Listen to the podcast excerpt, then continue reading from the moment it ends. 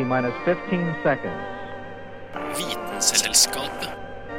T minus 10, 9, 8, 7, 6. We have main engine start. 4, 3, 2, 1, and liftoff. Vitenselskapet. Vitenselskapet på Radio Nova.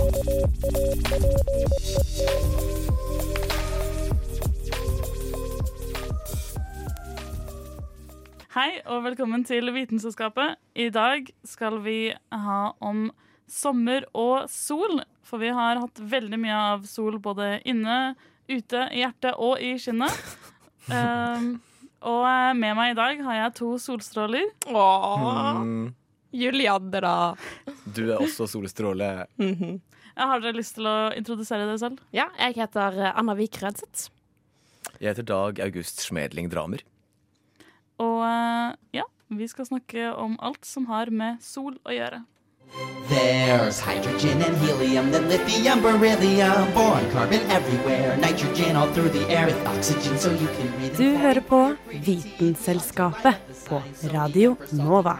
Magnesium, aluminium, silicon, phosphorus, then sulfur, chlorine, then argon, potassium, and calcium so you'll grow strong. Scandium, titanium, vanadium, and chromium, and manganese. Eh, Og i dag, siden vi snakker om sol, hva er det som er viktigst for dere når det gjelder solen? Altså, målet er jo alltid å bli tan, ikke det?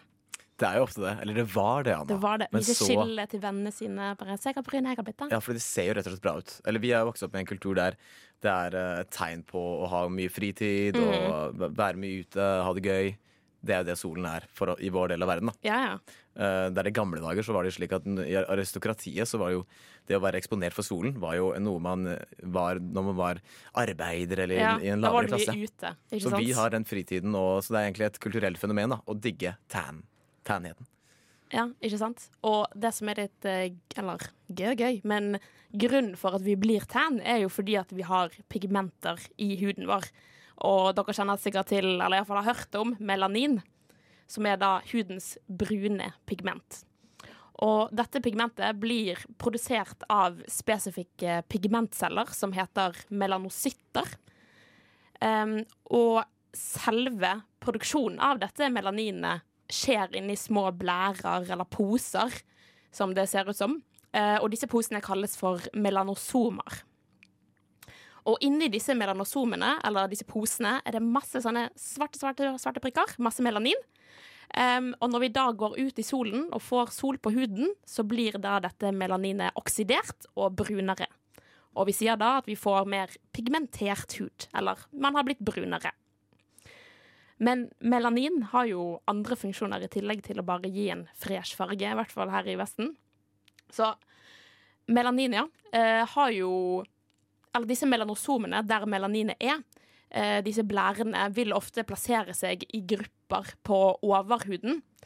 Og når de gjør det, plasserer seg på den måten, så vil de dekke til andre hudceller, litt som en paraply. Fungerer som en paraply. Og siden melaninet har da den type strukturen som gjør at den kan absorbere UV-lys, og dermed også gi farge til oss, men det at den også absorberer UV-lys, gjør jo at den også beskytter de andre hudcellene, som da en paraply gjør. Beskytter oss. Så på denne måten så vil melaninene eh, også gjøre deg fresh og brun, i tillegg til å unngå å skade de andre cellene dine med UV, sånn at du slipper å få DNA-skader, du slipper å få mutasjoner, og du slipper å få kreft. Er ikke det fint? Prima. Det er digg. Kanskje dette har dette absorpsjonsteorien til melanin, at den beskytter omkringliggende celler.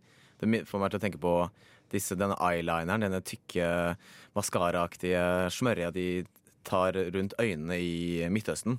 Og i klassiske hva skal man si, arabiske netter så har man det. Eh, og i egypterne brukte kol, som er et stoff, Ja. rundt øynene. Både som sminke, men også angivelig da, for at det skulle absorbere solskinnet. Ja. For at det skulle være lettere for øyet. Mm. og det virker som at kanskje det er noe samme prinsipp. da. Ja. Mørke absorberer for, mindre, for mer sensitive områder. Så, så man ser bedre i sola hvis man har masse eyeliner på seg? Kanskje. Eh, det, vet? Det kan jo se ut til å ha hatt en funksjon. da. Ja. Og så kanskje det ser bra ut fordi det er bra. Wow. Men dere, nå som det er så, sol og, så mye sol og varmt ute, blir man ikke litt frista til å ta en uh, seiltur? Jo. Ja. Jo. Eh, men ikke på en vanlig seilbåt, men med en solbåt. 1960-tallets fremtidsvisjoner om flyvende biler, teleportasjon og intergalaktiske romreiser har vist seg å ikke slå helt til. I hvert fall ikke ennå. Flyvende biler og teleportasjon har sine helt egne utfordringer, som jeg ikke engang skal gå inn på her. Men for romreiser så har et av de store hindrene vært behovet for drivstoff for fremdrift. Derfor har forskere og science fiction-forfattere lenge lekt seg med tanken på at romskip kan hente fremdrift fra fornybare energikilder. Og når man først er ute i verdensrommet, hvorfor ikke hente energi fra sola? Når du tenker på å utnytte solenergi, så tenker du kanskje på solceller. Men det fins faktisk en annen måte å utnytte energien i sola på. Gjennom et såkalt solseil. Et eh, solseil på et romskip fungerer egentlig på samme måte som et vanlig seil på et skip. Mens eh, seilet gir skipet fremdrift fra vindenergi, så gir solseilet fremdrift til romskipet fra solenergi. Men hvordan kan sola blåse? Selv om vi ikke merker noe til det i det vanlige, så består sollys av en kontinuerlig strøm av energipakker, fotoner. Fotoner de har både energi og bevegelsesmengde. Og når fotoner treffer solseilet, så endrer de bevegelsesmengde. Med andre ord så virker de med en kraft på seilet. Vi sier at fotonene virker et strålingstrykk på seilet. Kraften fra fotonene er veldig liten, men siden romskip ikke møter noe friksjon ute i verdensrommet, så trenger de ikke heller så veldig stor kraft for å dyttes framover. Og over tid vil selv en liten akselerasjon gi stor hastighet. Fotonene reiser med lysets hastighet, og det vil si at de kan akselerere solseilet helt fram til solseilet oppnår lyshastighet.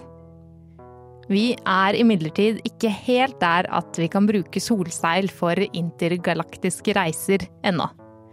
For det første så avtar strålingstrykket jo lenger unna sola man er.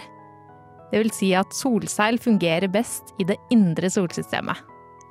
For det andre må solseil være veldig store for å fungere. For å frakte 1500 kilo fra jorda og til Halleys komet er det f.eks. beregna at solseilet må være 800 ganger 800 meter. Med mindre man finner et supertynt og kjempelett materiale, så vil seilet bli for tungt. En annen utfordring er at seilet skal kunne brette sammen til en liten pakke før oppskyting, for deretter å brette seg ut i full størrelse når romskipet er ute i verdensrommet. Enn så lenge så er det bare gjort mindre forsøk med solseil, men det er bevist at solseil kan ta små fartøy på i hvert fall interplanetariske romferder. I 2010 passerte den japanske romsonden Ikaros planeten Venus. Etter litt over et halvt års reise fra jorda. Drive. Og eh, selv om vi kanskje ikke får flyvende biler eller teleportasjon med det første, hadde kanskje 60-tallet rett når de så for seg at eh, vi på 2000-tallet kunne dra på ferie. Denne saken ble laget av Hanne Grydland. Feit. Man blir feit av sukkerbrus. Og velkommen til Vitenselskapet. So, thank you, plants. Og ser at det bare kryr av sånne melinsekter. Den er kjempegod! Utgave av Vitenselskapet på Radio Nova. Wow. 450 million år gammelt dyr. Men dette er seriøs forskning, folkens. Og du hører på Vitenselskapet. Episode av Vitenselskapet. Det er Vitenselskapet. Men dere, det er jo ikke alle som trives veldig godt i sola, er det det? Det er noen som uh, ikke trives fordi de dessverre får soleksem. Og det er jo da en merkelig ting som eh, er en overreaksjon på solens naturlige stråler. Eller snarere, det er jo da UV-strålingen som er ganske sterk, som reageres på. Men den reageres på på annen måte enn den vanlige formen, som er solbrenthet. De som har soleksem, har faktisk solallergi. Så de er allergiske. De produserer stoffer som en reaksjon på noe de ser på som en, en fiendtlig inntrenging. Som det er jo det allergi er. F.eks. pollenallergi. Overreaksjon på partikler som for andre bare blir eh, bearbeidet av kroppen. Og det skjer da med folk som um, gjerne, kommer, gjerne knyttet til semester. Da. Eksempel årstiden tidlig, tidlig sommer. Når man først, for første gang på flere måneder blir eksponert for sol igjen, så er huden sensitiv, og soleksemen kan utvikle seg i løpet av noen dager. Og så blir den bedre i løpet av, eh, av eh, solsemesteret. Og det er nok mest sannsynlig knyttet til det du snakket om, Anna, med melanin. Mm. Og den beskytter. Så den vil da antagelig også beskytte mot eh, overreaksjon på solstråling Mm. generelt, og ikke bare for de med uh, soleksem. Mm. Men det er spesielt at man eh, reagerer så sterkt på noe som egentlig bare er naturlig. Ja. Men det er vel ikke allergi i den forstand, sånn som pollenallergi, som du nevnte? At du har antistoff mot sol? Nei, jeg tror de strides Jeg har ikke funnet noe på det, Anna. For jeg tror de strides om, om man egentlig skal kalle det allergi. da Ja, eller om Siden- det bare er overfølsomhet mot sol, rett og Ja. slett. Ja. For allergi er ganske partikulært. Altså det er et kon- konkret fenomen der kroppen eh, lager antistoffer. ja. Og da skal jo du ta en blodprøve og finne antistoffer, og finne ut at du er allergisk mot det. Mm. Det hadde vært litt morsomt hvis du hadde tatt blodprøve og funnet antistoffer mot UV-stråler, da. Ja. Det er jo spesielt Den beste antistoffet mot UV-stråle er bare å kjenne solbrenthet. Ja. Så unngår man å være, eksponere seg selv for sola i det hele tatt. Sånn sett er jo alle allergiske mot UV-stråler, egentlig. Ja. Ja, nettopp. Altså det, er, det er nesten et tveegget sverd. Det er som uh, vi var inne på, alt med måte. Hvis man uh, eksponerer seg selv for mye, så er det enorme potensielle negative konsekvenser i form av kreft og DNA-skade og bare slitasje på huden. Mm. Eh, eksponerer man seg for lite, så er det en indikasjon på at du ikke har vært så mye ute, Mm. og ikke får det livgivende vitaminet D-vitamin. Mm. Det er ganske sært å tenke på å være allergisk mot sola, da. Ja. Noe så, liksom, alt liv er jo avhengig av det. Det er, det er sært, men det er ikke så alvorlig som kanskje noen urbane myter skal ha det. da. Ja. At man blir, at man rett og slett bare må, som en vampyr ikke kan eksponere seg i det hele tatt. Det er snakk om en overreaksjon, Mm. um, og ikke, ikke holdt jeg på å si, en, eh, en fatal ting. Mm. Men man må jo, må jo gjemme seg litt. Uh, man vil jo kanskje ikke være ute i sola hele tiden. Uh, og nå skal vi faktisk få høre litt mer om noen andre skapninger som også må gjemme seg litt for sola. Ok, alle sammen. Det er viktig at vi holder godt sammen her, for det er veldig, veldig mørkt og lett å snuble, eller gå seg vill. Og pass på hvor du setter føttene, for eh, det er underjordiske vanndammer her. Nå kommer vi snart til dammen hvor olmene bor. Jeg skal eh, lyse med hodelykta, så dere kanskje ser dem. Skal vi se. De har nok gjemt seg. De pleier å bo inni sånne små sprekker. Der. Så dere bevegelsen? Se her, se, se her hvor jeg lyser. Ser dere den? Der. Den eh, hvite eller litt sånn blekrosa tingen. I fargen ligner den litt på en sånn hvit skogsnegle. Ok, la oss gå litt grann nærmere, for nå sitter den i ro. Se her, da. Et fint eksemplar av en olm. Olm med en L, altså ikke en orm. Eller en babydrage, som den også har blitt kalt. Som dere ser, så ligner den veldig på en bitte liten hvit kinesisk drage. Dere vet, sånne lange drager som nesten er som ormer, med små bein og en slags sånn krage rundt hodet. Ormer er egentlig en slags salamander som lever i underjordiske elvesystemer. Og noen ganger når det har regna masse, har de blitt skylt ut av hulen sin og funnet av mennesker. Siden de jo ligner på små drager, har dette vært med på å skape myten om at de egentlig er babydrager, og at det finnes større drager som bor langt inne i fjellet. Den der røde rufskanten, som for så vidt også er den eneste delen av dette lille dyret som har farge, er gjeller. Egentlig så har den lunger også, men eh, de funker ikke. Og den har egentlig øyne også.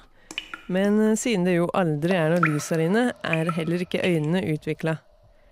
Og det ser man ganske tydelig, for hodet er jo helt glatt og øyeløst. Antageligvis så vet den at vi er her allikevel, for den har en veldig følsom snute med en god luktesans og smakssans, og som også oppfatter bitte små vibrasjoner. Ormen har faktisk også en ekstra sans, nemlig at den kan merke svake elektriske felt. Så er det noen som kan gjette hva en sånn liten olm trenger disse sansene til her midt inne i stummende mørke. Siden dette jo ikke er noe sted for planter å vokse, så er olmen kjøtteter. Den spiser små krepsdyr, snegler og insekter som på en eller annen måte har forvilla seg inn i grottene. Men som dere kanskje kan tenke dere, skjer ikke det så innmari ofte, og en olm kan faktisk gå så lenge som ti år uten å spise. Ti år! Så hvis dere har en dårlig dag, kan dere jo tenke på at det kunne vært verre. Dere kunne vært en salamander som aldri ser dagslys, som lever i iskaldt underjordisk vann og venter i årevis på et måltid som aldri kommer. Hvis du nå tenker at det har vært kult å kanskje se en olm, så hjelper det ikke så veldig mye å stikke til grottene her i Norge. For de finnes nemlig bare i Slovenia, hvor de også er superfreda. Eh, kanskje ikke så overraskende, for det er ganske få igjen av dem. Men eh, hun som eh, lagde denne saken, heter Kristin Grydland. Vitenselskapet. Vitenselskapet på Radio Nova.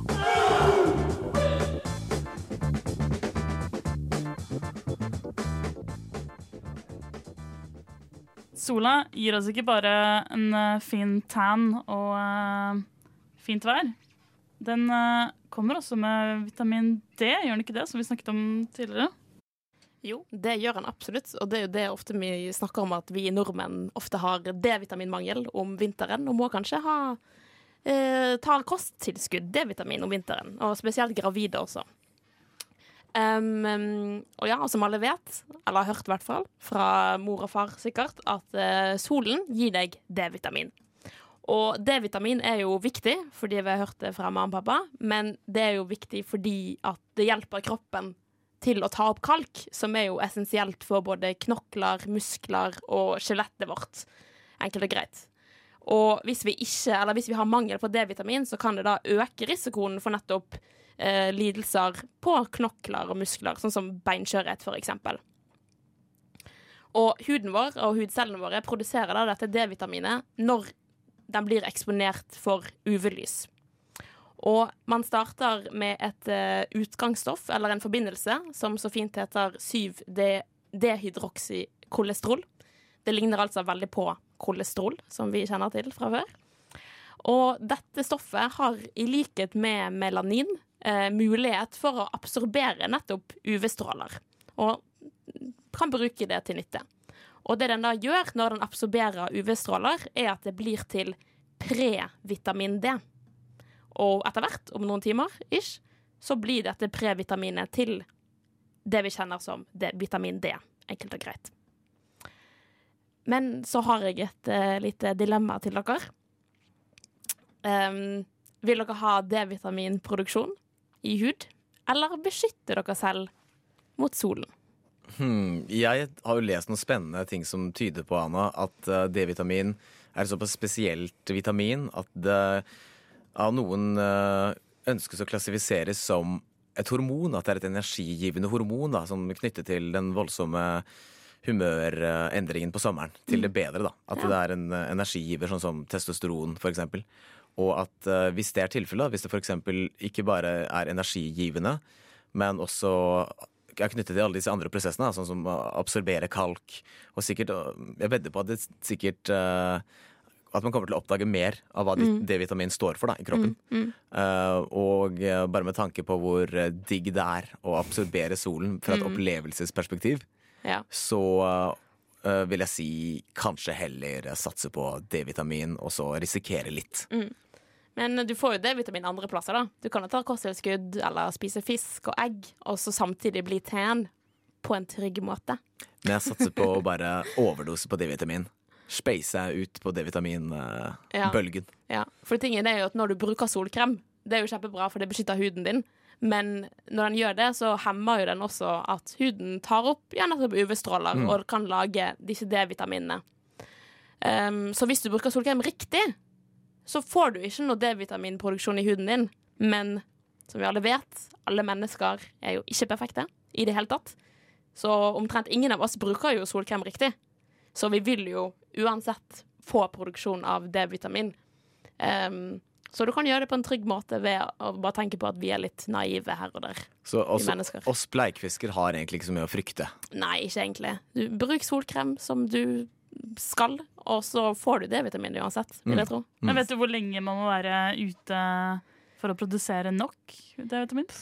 Det er jeg litt usikker på, men eh, det sto en plass jeg leste jeg, at eh, du kan gå kanskje en halvtime ute. Altså gå, bevege deg. Uten solkrem, så da får du rikelig med D-vitamin. uh, ubeskyttet med Altså, du ikke har på deg solkrem, da. Ja. Så du kan heller legge deg på en alt med måte-strategi istedenfor for å gå full grillings uten solkrem og få masse D-vitamin, eller full sunblock Ja. eh, og ikke kreft, liksom. Det, er, det, er, ja, det tyder jo på at nettopp D-vitamin er så, siden det er så effektivt og sunt for kroppen, så er det ikke så rart at uh, en evolusjonsteori sier at det er Mm. nettopp derfor man har lys hud. Mm. Fordi den ble lysere for å kunne hente ut mer D-vitamin fra de svakere solstrålene i nord. Ja, det er jo bra for oss, det. Ja. Um, men det er jo ikke alltid det er så koselig med sol. Altså, som vi snakket om, man kan jo bli solbrent.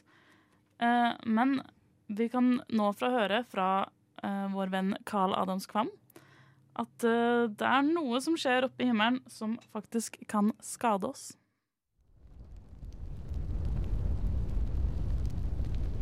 Hvert eneste sekund produserer sola nok energi til å dekke hele verden sitt energiforbruk i 2013. En million ganger. Sammensmeltinga av elementærpartikler som står bak produksjonen, er ikke akkurat stabil og ufarlig. Sola sitt aktivitetsnivå varierer innenfor en 11-års syklus. Titt og ofte oppstår det solflekker der kaos virkelig herjer. Og denne massive atomreaktoren er bare åtte minutter unna oss i ljosfart.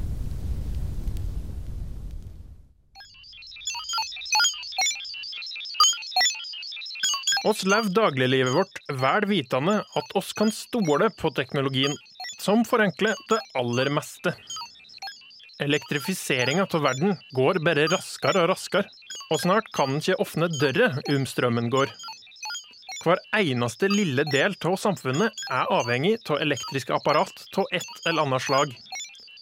Gravemaskiner går på strøm, penger får du knappast brukt uten e-løsninger, og satellitter er ekstra sårbare der oppe utafor atmosfæra vår.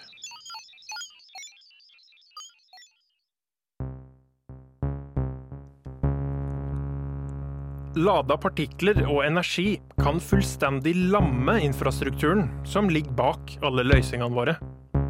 Og det kan skje på et øyeblikk. Og en kraftig solflekk kunne resultert i en ekstrem solstorm som treffer akkurat vår vesle jord. Hva som hadde kommet etter en sånn storm, er nok dystert å tenke på. Anslag på skader til infrastruktur ligger på rundt to trilliarder amerikanske dollar. Og trusselen er der konstant, uten at oss kan forhindre fara. Det er bare å sørge for å være forberedt.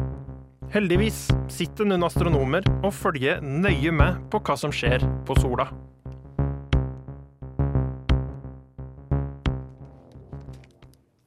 Det er faktisk en solstorm som har truffet jorden og slått ut teknologien vår. I eh, 1859 traff en bølge av partikler i verden, og telegrafnettet gikk til helvete. Jeg vet ikke med dere, Der. men jeg hadde ikke klart meg uten telegrafen min. Jeg må ha telegrafen min, jeg må ha den. Ja, hvordan eh, skal du kommunisere uten Dag? Nei, det blir eh, nonverbal kommunikasjon. Det blir brev. Bare Men, kroppsspråk. eh, kroppsspråk. Men da må man jo være med den som må dra, først dra dit, da. Ja. Og det, man må krysse de milene som man egentlig kunne beepet seg gjennom umiddelbart Mm. gjennom telegraf. Så ja, savner min telegraf. De solbølgene må man passe seg for, altså. Ja.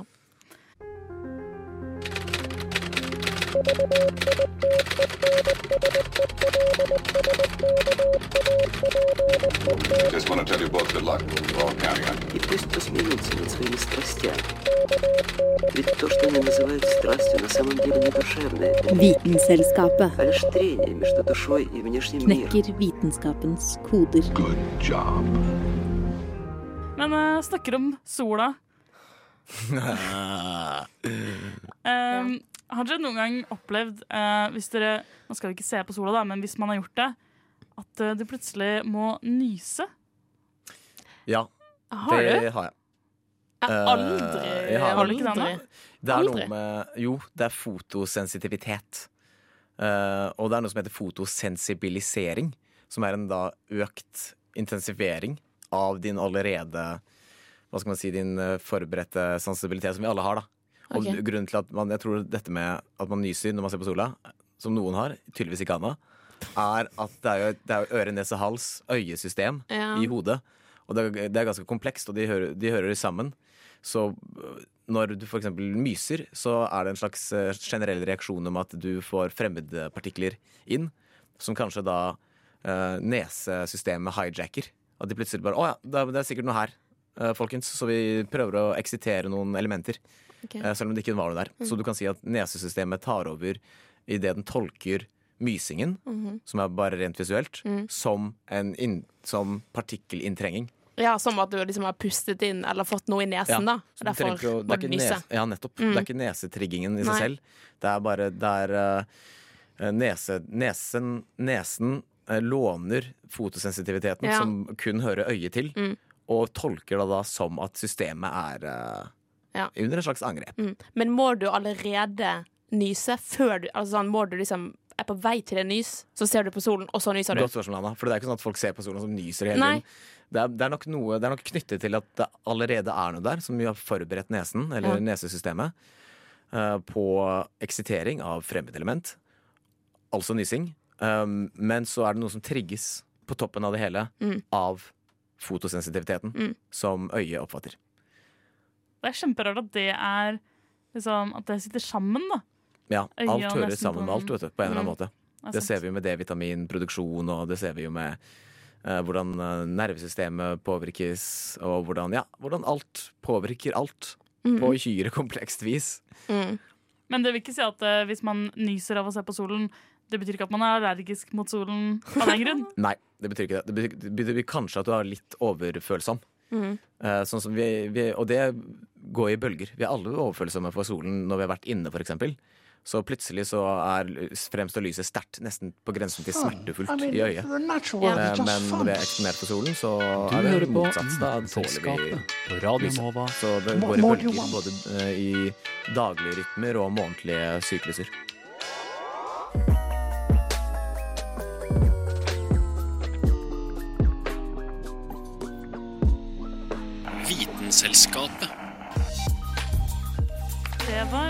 Vi hadde for i dag. Du kan eh, høre oss igjen neste uke. Samme tid, samme sted. Eller på eh, iTunes, Spotify, Soundcloud, hvor enn du hører på um, Podkaster. Ja, takk, Anna. Eh, jeg har vært i landet Lifjell, og eh, med meg har jeg hatt Anna Vik Rødseth. Og Dag August Schmeling Draner. Og vi takker for oss.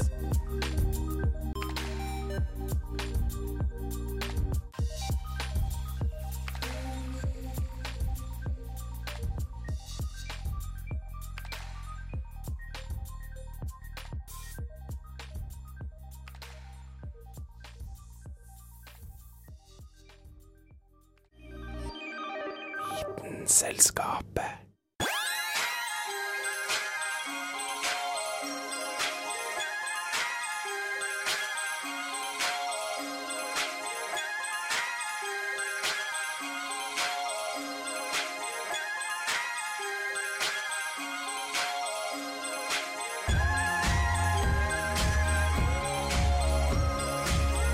Siden 1982 har Radionova gitt deg favorittmusikken din.